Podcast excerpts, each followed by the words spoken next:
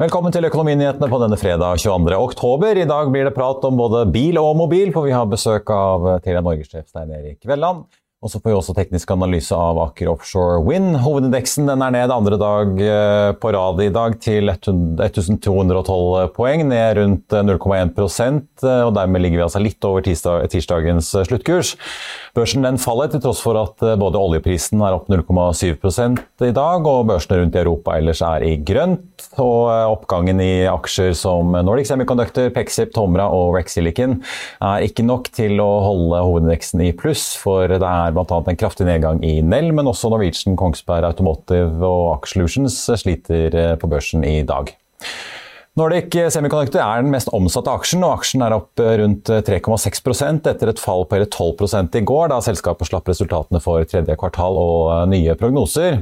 Ellers er Autostore, den nye giganten på børsen som ble børsnotert denne uken, opp 6,5% og Nell, som altså steg hele 21,3 i går etter sine kvartalstall, er ned nesten 10 eh, i skrivende stund. Selskapet har blitt nedgradert av flere meglerhus etter tallene, bl.a. over bekymringer over over ordreinngangen. Norne er eh, imidlertid det ene meglerhuset som går mot strømmen og hever kursmålet fra 22 til 20 eh, til 22 kroner og gjentar en kjøpsanbefaling. Aksjen er nå på 15,1. Ellers er det flere andre selskaper som har sluppet tall i dag, inkludert Aker Clean Hydrogen og Norske Skog, Tomra, Mediesteam, Green Minerals og Green Energy Group. De er eh, Norges nest største telekonsern og har gjennom årene brukt enorme summer på å bygge ut og kjøpe seg opp utover det ganske land, men hvordan skal de møte konkurransen nå som fibergiganten Altibox kommer inn fra siden og Telenor også pumper inn milliarder i sin 5G-utbygging? Velkommen til oss, Stein Erik Velland, sjef for Telia Norge. Hjertelig takk. Jeg tenkte aller først, Dere sendte ut en, eh, en pressemelding i dag som jeg synes var litt interessant. For dere har jo god oversikt over hvor vi nordmenn er og farter. Og eh, dobbelt så mange av oss har reist utenlands eh, i høstferien i år som i fjor. Ja, nå har jo Norge åpnet opp igjen. Og da benytter vel nordmenn sjansen til å, å reise utenlands. Og det er jo hyggelig. Og derigjennom så er det også hyggelig for telekomselskapene. Ja, for det en av de, liksom, Selv om dere har vært en ganske skjermet bransje fra denne pandemien, så har dere jo sett at uh, inntektene på roaming, altså utenlandsbruk, den har deiset i gulvet. Ja, begynner, begynner det å komme seg litt nå, eller? Ja, men uh, veldig moderat. Uh, og jeg tror nok at den vil holde seg konstant på et mye lavere nivå enn der vi var rett før pandemien. Ja, ja, for det er særlig når folk drar ut av Europa hvor det ikke er noe regulering, hvor dere tjener godt med penger? Ja, de må nok lenger ut. Eh, og eh, det er vel kanskje heller en oppfordring til folk om å holde seg litt i Europa. Så eh, får de ikke det vi kaller bilsjokk. Mm. mm. Du, eh, Mange av kundene deres har jo opplevd en del problemer i den siste tiden. Har dere liksom kontroll nå, eller det, har dere noen større strukturelle problemer på kammerset? Nei, vi, vi, har kontroll. Men selvfølgelig, slik som hendelsene som var i uke 40, som jo vi er uh, veldig lei oss for, de kan inntreffe. Veldig ofte så er jo en del av disse elementer utenfor vår kontroll. Da. Det være seg gravemaskinførere som tar en fiberkabel i Østfold, eller Facebook som har litt serverproblemer. Så blir da de problemene overført videre eh, mm. til oss. Men det ansvaret har vi, det skal vi ta. Eh, fordi vi har en rekke samfunnskritiske kunder. Eh, og eh, bruker mye tid på både å forstå eh, hvis det er eh, utfordringer i nettene våre, og selvfølgelig kvalitetssikre til enhver tid. Vi jobber jo med det som heter redundans. altså Dvs. Si at alle typer Kall det kabler etc. skal ha to veier fram til målet. Ja, mm. så hvis han gravføreren i Østfold uh, graver hull i fiberen, så er det en annen fiber som kan ta mobiltrafikken frem.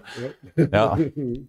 Du, eh, vi så jo, dere kom jo, Satellia Company, da, konsernet, kom jo med kvartalstallene i uh, går. og Vi så jo på utviklingen for Norge at dere økte jo antallet mobilkunder med, med 16 000. Eh, ser man mot fjoråret, så er det opp 27 000. Mm. Eh, inntjeningen per kunde er opp. og Hvor er det liksom dere ser vekst nå, da? Altså, vi ser vekst eh, både på privatsiden og på bedriftssiden. Eh, vi har nok en kraftigere vekst på bedriftssiden, men, men der kommer vi også fra eh, å være en mye mindre aktør. Slik at i år så har vi vokst med litt over 3,6% på bedriftsmarkedet i et marked som presumptivt er tilnærmet flatt, så det er veldig hyggelig. Mye har kommet i det vi definerer som SMB-sektoren der.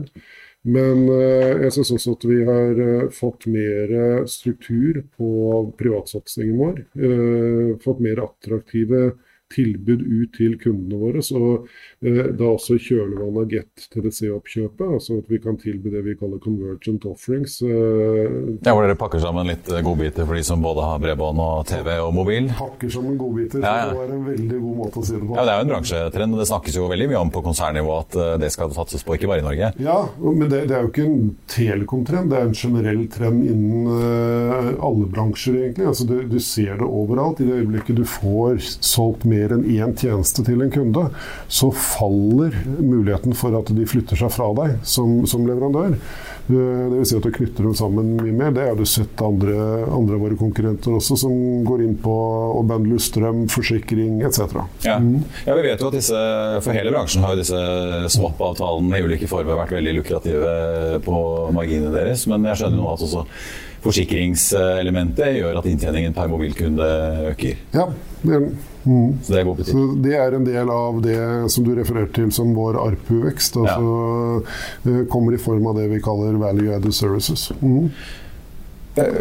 Mye engelske ord, jeg beklager. Ja, ja, sånn er det. Men, men jeg, jeg, vet, jeg, merker, jeg, merker, noe interessant i, i tabellene deres. Eh, altså Churn, hvor mange kunder som sirkulerer inn og ut av, mm. ut av bedriften, eh, var ned ganske mye. Den ligger på rundt 19 eh, så langt i år. Eh, I forfjor var den på 27, og i fjor 24 mm. Eh, er det liksom mindre bevegelser i det norske mobilmarkedet nå enn det har vært?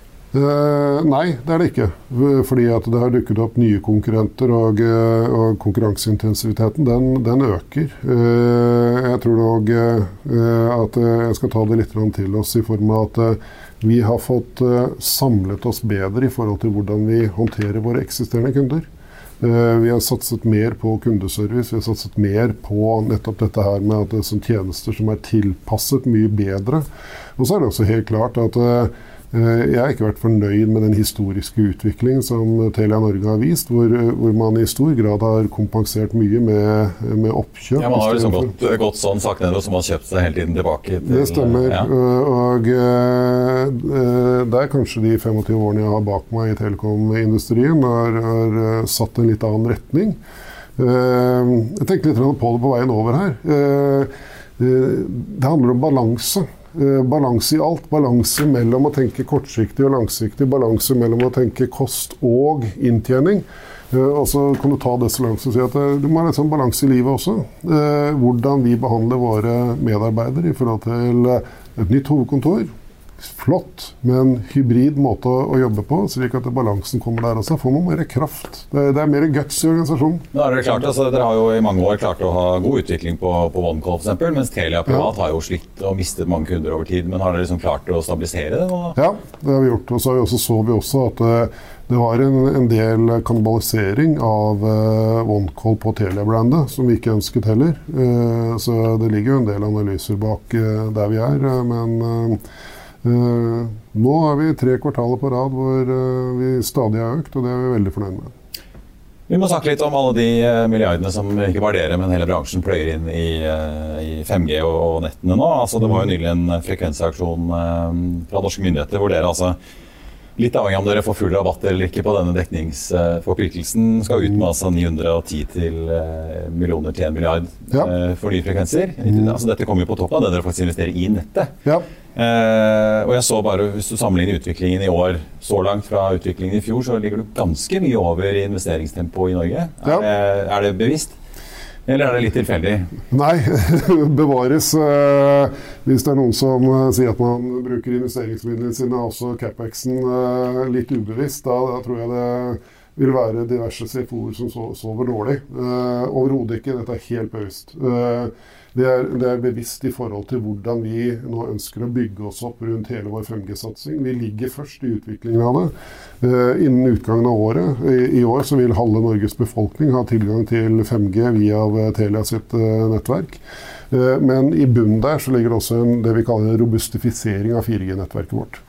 Eh, Så det er noe av liksom, sånn tankene bak det. og Da trenger du Spektrum for å understøtte dette. Fordi du frigjør i visse da, spektrumbånd for å styrke tjenesten din i andre. Altså, du, vi vil jo flytte oss Ja, dere skulle jo ha 3G jo Nettopp. erstatte med 4G og 5G. Ja. riktig. Mm. Ja, for det er jo, altså Så langt i år har du brukt 1,9 milliarder mot halvannen i fjor. Ja, Så det er jo, Men men er, det- Har det litt med på en måte inn, innkjøringen av 5G at i starten så her tar det lengre tid per basestasjon? Ja, så Det er i hovedsak drevet av to store prosjekter som vi har. Eh, Det ene er 5G-utrullingen med 4G-moderniseringen vår. Det andre er på fastnettsiden, som vi også har sett oss helt nødvendig å oppgradere. Da eh, det gamle Get-nettverket eh, til noe som så fint heter Doxys 3.1. Eh, Så begge disse to. eh, Og slik er det av og til med, med Capex, at det går jo litt i sykluser.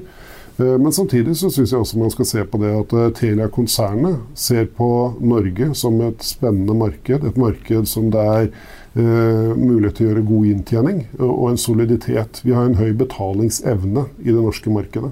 Ja. Mm. ja, dere, har jo, dere brukte jo 21 milliarder på å kjøpe Get og TDC, så noe avkastning skal de jo få igjen i Stockholm? antar jeg? Ja. Jo, vi må snakke litt om uh, aktørene. da. Vi vet jo Telenor selvfølgelig er jo den store elefanten i, i rommet som dere konkurrerer Mm. mot. Men dere skal jo nå også konkurrere mot uh, Altibox, ikke Ja. bare i bredbåndsmarkedet, men også i mobil. Vi hadde jo Toril Nag i Lysekonsernet med her for ikke altfor lenge siden. Hun var relativt gira for de lisensene de eh, blar opp for. Mm. Tror du om, hva tror du de vil, da? Nei, jeg, skal ikke, jeg, jeg, jeg tror ikke jeg skal spekulere i hvordan eh, de eh, har tenkt sin strategi. Uh, jeg har selvfølgelig gjort meg opp noen tanker rundt det. uh, men jeg vil heller si at jeg ønsker konkurranse velkommen. Vi kaller oss selv Norges største utfordrer. og da er konkurranse bra. Konkurranse skjerper deg. Og, og til slutt så er det til fordel for forbrukerne, rett og slett. Så ønsker Toril Alteboks velkommen inn i den mobile verden. Så må man se hvor de velger å, å lande etter hvert. Men ta én digresjon tilbake til for- foregående spørsmål om, om frekvensene. Man skal være klar over at det, det er ikke bare å kjøpe frekvensene, men det er hvor det plasseres i frekvensbåndene også. Og der var det vel noen større overraskelser enn enn enn selve frekvensprisene. Så, så får man se hvordan de skal greie å utnytte frekvensene sine. Men dere, altså, de skal jo inn i det som uh, gjerne kalles trådløst øh, bredbånd. Ja. Fixed wireless på bransjespråket. Altså, det er jo rett og slett å nå de husholdningene med, med 5G-bredbånd uh, hvor man ikke når de med fiber. Eh, dere har jo også gått ganske aktivt inn i dette markedet for å prøve å ta litt kunder fra, fra Telenor som skal legge ned kobbernettet sitt. Ja. Eh, hvor stort tror du dette trådløst bredbåndmarkedet blir i Norge? da? Dere sitter jo på en måte i, både, i alle leirene her, både med bredbånd på kabel og mobil. Jeg tror det kan bli stort. Eh, men eh, eh, da i, i områder som, som selvfølgelig ikke lønner seg å grave fiber. Men du har et annet element i det hele også, og det er det miljøaspektet. Når du da begynner å bevege deg utenfor de store byene etc., så, så kan du jo da fibre opp på en, på en måte via Fixed Wireless Access en, en rekke boliger uten å gjøre inngrep i naturen. Eh, Det er jo en fantastisk bra ting. Eh, Og eh, du får jo en veldig god både opp- og nedlandingshastighet med Fixed Wireless Access. Så det er muligheten. Når vi nå ser at vi som befolkning har trent oss selv på å ha hybride hjemmekontor, hvis jeg kan kalle det det, så er det jo helt klart at flere og flere ønsker å kunne jobbe hjemmefra. Og så til slutt, jeg tar, tar, tar et annet område. Jeg var i Ørsta i går, av alle ting. Eh, og- Sjekke dekningen. ja, det også, men, eh, eh, men eh, der har du da et eh, kraftselskap som heter Tussa, som er en, harde samarbeidspartner av oss i tolv år. Eh, Og eh, det er helt klart at eh, de ønsker jo å motivere sammen med de lokale myndighetene eh, da til å skape arbeidsplasser. De satser mye på eh, skyløsninger, sikkerhetsløsninger etc. via datasenteret sitt de har bygd opp eh, etc. Da kan de jo de, enten via egen fiber eller via vår Fixed Wireless Access, eh, sørge for at eh, folk kan jobbe hjemmefra eller fra gården sin eller hvor de måtte ønske det. Eh, Kort til slutt, Dere sikret jo Posten som kunde. Det er vel den største Ja. bedriftsavtalen dere har landet noensinne. Eh, Men dere har også lansert det som heter private mobilnett. Altså at Ja. bedrifter eller industriaktører kan få enten liksom reserverte kanaler eller helt atskilte nett. Er det noen som har begynt å bestille dette her i Norge? Da? Ja, det er det. Uh, kan, det... du røpe hvem, eller hva slags type dette er snakk om? Nei, jeg tror ikke, vi, vi, er ikke der at vi skal røpe hvilke kunder vi har akkurat nå. Men det jeg kan si er at vi, vi har konkret kunder allerede. Uh, vi jobber med en veldig lang prospect-liste. Det som, uh, som, som, ligger til grunn for dette, er nettopp igjen tilbake til den spektrumtildelingen, hvor den norske regulatøren Nkom ønsket jo å, å se på dette som en mulighet basert på at det var flere bedriftsclustere eller større bedrifter som så dette som en mulighet. altså eh, Mest en mulighet i forhold til at du eh, skaper enda mer sikkerhet rundt kommunikasjonstjenestene dine. Du kan skjerme et sykehus eller et ja. industriområde? Eller, ja. Yep, det kan du gjøre. Du kan sørge for at uavhengig av hvor mye annen belastning det er i nettverket, så er det prioritert gjennom skivedeling til den enkelte aktøren. Men det tar litt lengre tid. fordi at Uh, vi, altså vi, var først ute med å tilby dette i det norske markedet. Har en rekke samtaler, men det krever mye tilrettelegging og kompetansebygging også hos våre kunder. Og det hjelper jo til med. Og dermed så er innsatsperiodene lengre. Men at de kommer til å dukke opp nå i tiden fremover, det er ingen tvil om. Stein Erik Velland i Telia Norge, takk skal du ha. Bare hyggelig. Veldig hyggelig å være her. Veldig hyggelig at du kom. I'll see you in court. Vi sier det ofte litt på spøk men for deg som driver business, er det aldri moro å innse at du ikke har laget en 100% gyldig kontrakt. Du bør ikke risikere hele firmaet ditt fordi du synes dette med kontrakter er litt stress. En avtale er ikke en avtale. Du kan miste kunder, miste venner, ja, til og med miste inntekter om du ikke lager en skikkelig kontrakt, på alt mulig, egentlig. Men vi vet det er et styr. Kopimaskiner, treg printer og haugevis av papir. Dessuten stoler vi jo på folk her i landet. Det er ofte litt kleint å skulle be om en signatur for alt mulig, ja, for mye av styret handler også om jakten på underskriften. Det finnes en enkel måte å løse dette på, Dukkobit, en trygg, effektiv og get this, gratis måte å sikre seg en god natts søvn pluss en juridisk bindende avtale. Dukkobit-appen har de strengeste sikkerhetskrav i bunn, samt en EU-godkjent og sertifisert teknologi. Framover vil det bli behagelig å spørre du, skal vi skrive under på det, eller? Kom i gang på dokobit.no. I morgen er det lørdag, og da er det tid for Finansavisen Motor. Velkommen, Andreas Scheel, redaksjonssjef i FA Motor. Vi må jo eh, liksom promotere litt og friste litt hva man kan vente seg i, morgendagens avis. En duell mellom hva skal vi si, kong, kongene i elbilmarkedet om dagen, Tesla Model 3 og Polestar.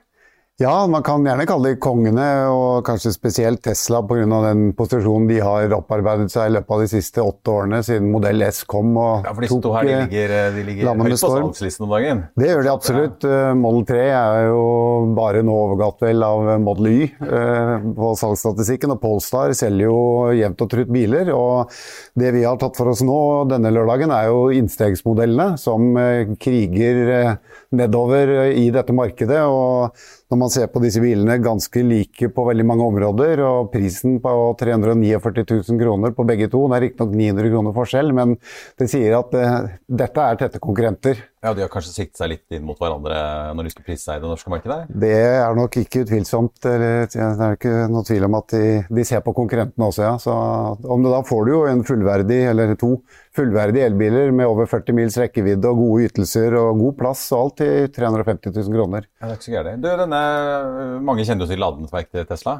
Hvor, liksom, hvor, bra er det kortet der eh, i kampen mot uh, svensk-kinesiske Polestar? Eh, mange setter pris på det nettverket. Det er jo tilgjengelig og for, for veldig mange også rimeligere strøm enn mye av det andre. og du ser jo at når det er mye kø på disse ladestasjonene, så er det fornøyde kunder som står der og lader. Så det er et argument som har slått godt an. Og jeg har selv ikke Tesla, men mange av de jeg snakker med som har Tesla, sier jo at det er et av fortrinnene. Det at de har dette ladenettverket. Ja.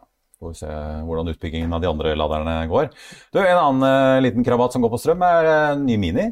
Det er det, og det er en av de små elbilene som også kjennetegnes ved at den også har en ganske kort rekkevidde. Så det er jo et par andre biler også, Honda E og Mazda MX. Uh, ja, for Vi ser den jo på skjermen her nå. Det er jo den ser jo litt sånn kul og liten gokart ut, da. Ja da, og det er en gokart. Og hvis du er glad i å kjøre bil og ikke skal kjøre veldig langt, så er jo dette absolutt en av de morsomste elbilene å kjøre. Den er minimorsom, for å si det sånn. Men en, men, men en bybil? Ja, og, eller i hvert fall ikke langturbil hvis du skal mye på langtur. Og skal du kjøre bilen sånn som den eh, fortjener, så bruker du strømmen enda fortere. Men eh, det er en ordentlig morsom liten bil. Du sa jo disse andre startet på 300 og var det 49 000? Ja, og denne er jo litt rimeligere med denne korte rekkevidden, men det er jo også en mindre bil. Så flere av disse, som jeg nevnte også Honda E og Mazda MX5, som eh, Mazda har faktisk solgt en del også av den bilen, selv om mange sa nei, den går altfor alt for kort. Ja. Men mange har kjøpt den likevel, for de har kanskje en annen bil, og da holder det. Og den er enda rimeligere. så og mens Minien ligger vel på 300 000 ferdig spekka med masse utstyr, og den er jo ganske sånn premium-aktig bil på mange måter. Så de selger nok noe av den, men uh, terskelen for rekkevidde, ja, det ligger jo hos folk. Ja. Så de får ja, Når staten spanderer momsen, så blir det jo ikke så gærent i forhold til en uh, rimelig liten bensin- eller dieselbil? Nei da, absolutt ikke. Og vanlige el altså bensin- og dieselbiler er jo nesten på vei ut nå, med unntak av de som skal ha noe svært og kjøre langt og tungt. Ja, du, Apropos, den er, den er, ikke så svær, men i hvert fall større og uh, kan fylles på veldig kort tid. Lexus NX 450H. Ja. Men det jeg syns er litt artig, er jo at uh, Toyota og Lexus-konsernet har jo begynt med plug-in-hybrider. For det har de jo i hvert fall tradisjonelt ikke vært noe sånn kjempestore på. Nei, de hadde jo Prius hadde jo en plug-in-versjon. Den slo vel egentlig aldri an uh, i Norge som det. Men det som er med Lexus, og for så vidt også Toyota, som bruker denne drivlinjen, de har jo tidligere hatt denne selvladende hybrid, som de kaller det. Mm. Og det har gjort at deres biler i hvert fall er blant de som absolutt bruker minst drivstoff. Og i det store bildet hvor bilprodusentene skal ha ned gjennomsnittsutslippene sine, så er det klart at det har vært en veldig fortrinn for Toyota og Lexus, som er blant de som har det laveste utslippet, selv om de har mange store biler også i porteføljen. Så Sånn, ja, det er kanskje liksom en strategi som egentlig er liksom smart sånn globalt sett, men som kanskje bommer litt i Norge av og til? Ja, og ikke minst avgiftsmessig så har ikke de kommet så godt ut. Så når de nå kommer med plug-in, og det ligger jo i kortene at uh, det kommer elbiler De har jo allerede en Lexus elbil, og Toyota kommer jo med sin elbil neste år. Så de er på vei i Norge, de også. Så. Men er dette Hvor bra er den? Er det, liksom, er det en ventepølse, eller er det en, en, eh, Du ser jo Mercedes og BMW hoster opp SUV-er som er plug-in, som går uh, alt fra 75 til 100 km.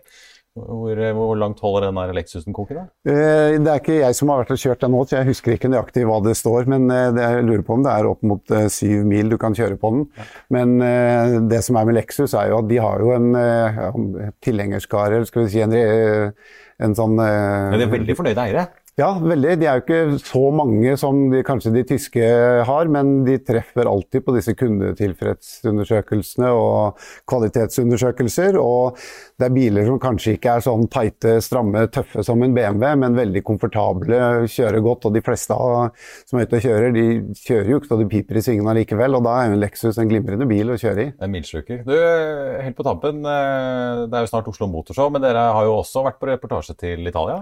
Det har vi, og der har de nå åpnet opp denne årlige Concorde Elegance på, på Villa d'Este, som eh, har vært avlyst de siste to årene. Og dette er jo et arrangement som lå nede i mange år etter at vi begynte på 1920-tallet. Og så fra 1999 så tok BMW tak i det og skulle restarte hele opplegget, og har gjort det med suksess. Og der inviteres jo noen av de eh, fineste, dyreste veteranbilene i hele verden som har en historie og som vises frem. Og, ja, bilde av en kabriolet her. Hva, ja, hva, er dette for noe? Dette er en 1959 eh, BMW 507, en roadster som av mange ses på som en av de vakreste klassiske roadsterne som finnes. Så det er jo i anledning at BMW står bak dette her, men det er utrolig mange flotte biler der. Det er Ferrari, og det er navn og merker du ikke har hørt om engang, som også er der. Og de er utrolig mye flotte biler, så jeg har aldri vært på Villa d'Este selv, og det står på bucketlisten ganske høyt oppe, for det skal visstnok være veldig flott. Da er det åpenbart eh, noe for både de bilinteresserte og Italia-frelste i lørdagens motor. Andreas Kjell, takk skal du ha. Bare hyggelig. Da skal vi ta en titt på uh, siste nytt fra markedet. Wow Green Metals har kommet med en børsmelding som, uh, om at avtalen med Fortum, dette biokarbonanlegget i uh, Follum, unnskyld, har blitt bekreftet, og kontraktsverdien er da på 215 millioner kroner. Det har sendt aksjen kraftig opp siste halvtimen. Den er nå opp 13,1% på Oslo Børs. Ellers så ser vi at uh, en annen aksje som går så det griner i dag, er Otovo med en oppgang på 9,3 på eh, Wall Street er futuresene foreløpig litt eh, blandet før åpningen om eh, halvannen times tid. SMP indikeres opp 0,1, mens Nasdaq indikeres ned 0,18 der, altså. I Finansavisen i morgen på lørdag kan du selvfølgelig lese masse bilstoff. Du kan lese Trygve Hegnars leder om Abid Rajas komiske gavepakke, om eksotiske lån i Ivar Tollefsens eiendomsimperie, og du kan lese om ukens aksje Aqualis Braemar. Det var det vi hadde for i dag. Tusen takk for at eh, du så på. Vi er tilbake på mandag klokken 15.30. I mellomtiden ønsker vi deg en riktig god helg. Takk for nå.